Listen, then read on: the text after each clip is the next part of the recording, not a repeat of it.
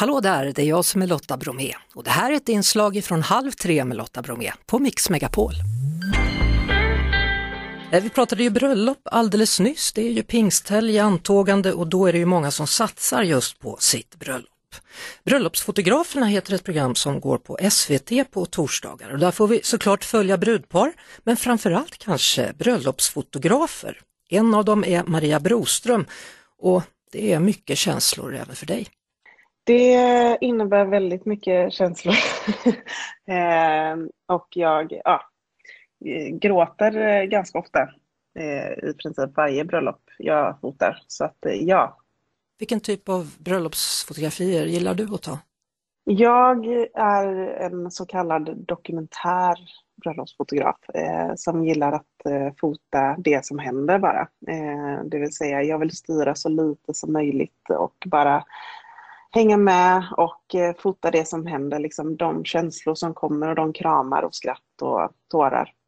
Och så vill jag liksom inte lägga mig i, eh, för det är inte min dag utan det är ju deras. Och i ett avsnitt av Bröllopsfotograferna så är det Sofie som får sin man och hon bestämde sig för att överraska honom. Var det ett bra sätt tycker du? Jag tyckte det var skitcoolt av henne. Och liksom fria samma morgon det var ju inte så här, någon surprise att han skulle säga ja eftersom de har varit ihop i 12 år och har tre barn tillsammans. Men eh, just att eh, de skulle gifta sig samma dag och sen dessutom att SVT och jag skulle komma, det är ju det, det är starkt. Han trodde alltså att han vaknade upp till ett födelsedagskalas och så var det själva verket bröllopet. Ja, precis. Så det var en eh, surprise för alla. Vad är ditt bästa tips till blivande brudpar? Nej men eh, inför så tycker jag att man liksom bara ska planera så gott man kan. Eller liksom, ja, planera och delegera och har man råd så kan man ha en koordinator som hjälper till. Men annars liksom att man utser någon som har ansvar för de praktiska sakerna under eh, själva bröllopsdagen eller helgen. Så att man liksom i alla fall inte behöver oroa sig över det. Men sen eh, eh alltså nervositet över att stå i centrum och att liksom inse att eh, shit, idag händer det och bara idag. Det, det finns ju kanske inget eh, botemedel för utan där får man bara glida med och faktiskt embracea att så här är det nu. Och se till att äta och dricka ordentligt också. Ja, hur, hur var ditt bröllop? Ja, jag mådde faktiskt eh, skit rent ut sagt. Eh, från typ 11 till 8. För jag var jättenervös och hela mitt huvud bara skrek njut. Så att det försöker jag inte säga till mina brudpar att de ska njuta för att eh, det kan lätt eh, slå slint. Men eh, i det stora hela hade vi en otrolig bröllopshelg. Och vem tog kort på dig då?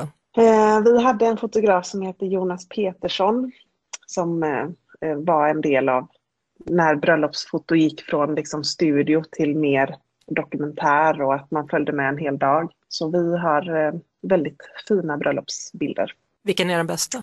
Min favoritbild är liksom en på min pappa och min svärmor när de står utanför eh, kyrkan efter vigseln och kramar om varandra och gråter och liksom bara Alltså jag ser den bilden exakt i detalj i huvudet varje gång jag tänker på den. Mm. Och, alltså det låter så klyschigt men det finns liksom inget starkare än kärlek. Och det är väldigt fint. Det var det. Vi hörs såklart igen på Mix Megapol varje eftermiddag vid halv tre. Ett poddtips från Podplay. I podden Något Kaiko garanterar östgötarna Brutti och jag, Davva, dig en stor dos skratt. Där följer jag pladask för köttätandet igen. Man är lite som en jävla vampyr. Man har fått lite blodsmak och då måste man ha mer. Udda spaningar, fängslande anekdoter och en och annan arg rant. Jag måste ha mitt kaffe på morgonen för annars är jag ingen trevlig människa. Då är du ingen trevlig människa, punkt. Något kajko, hör du på podplay. Därför är gardinerna.